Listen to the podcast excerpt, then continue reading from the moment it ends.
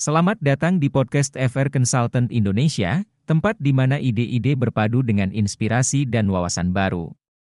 Saya sangat senang bisa menyambut Anda di acara ini, di mana kita akan menjelajahi topik menarik, berdiskusi dengan para ahli, dan menggali pemikiran yang menginspirasi.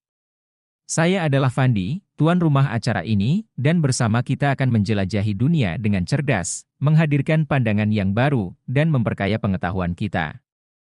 Bersiaplah untuk pengalaman mendalam yang mengubah cara kita melihat dunia. Selamat mendengarkan.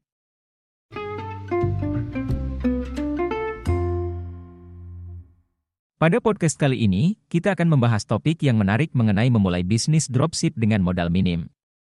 Bisnis dropship telah menjadi pilihan populer di era digital saat ini, karena memungkinkan pengusaha untuk terlibat dalam dunia e-commerce dengan modal yang relatif kecil.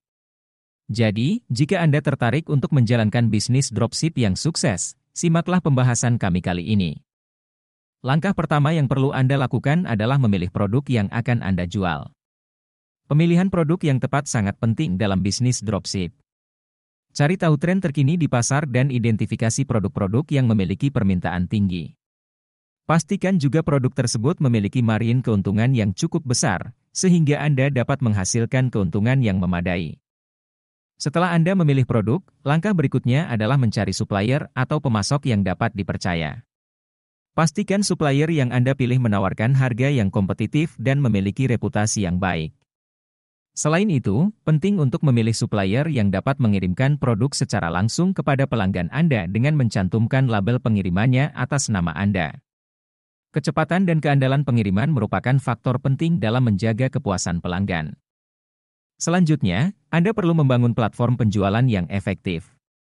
Anda dapat membuat toko online, website, atau berjualan melalui platform e-commerce populer seperti Tokopedia, Bukalapak, Blibli, Shopee, TikTok Shop, Amazon atau eBay.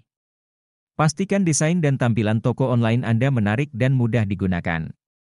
Jangan lupa untuk menyertakan deskripsi produk yang lengkap dan jelas, serta gambar yang menarik untuk menarik minat calon pembeli. Promosi adalah langkah penting dalam memulai bisnis dropship.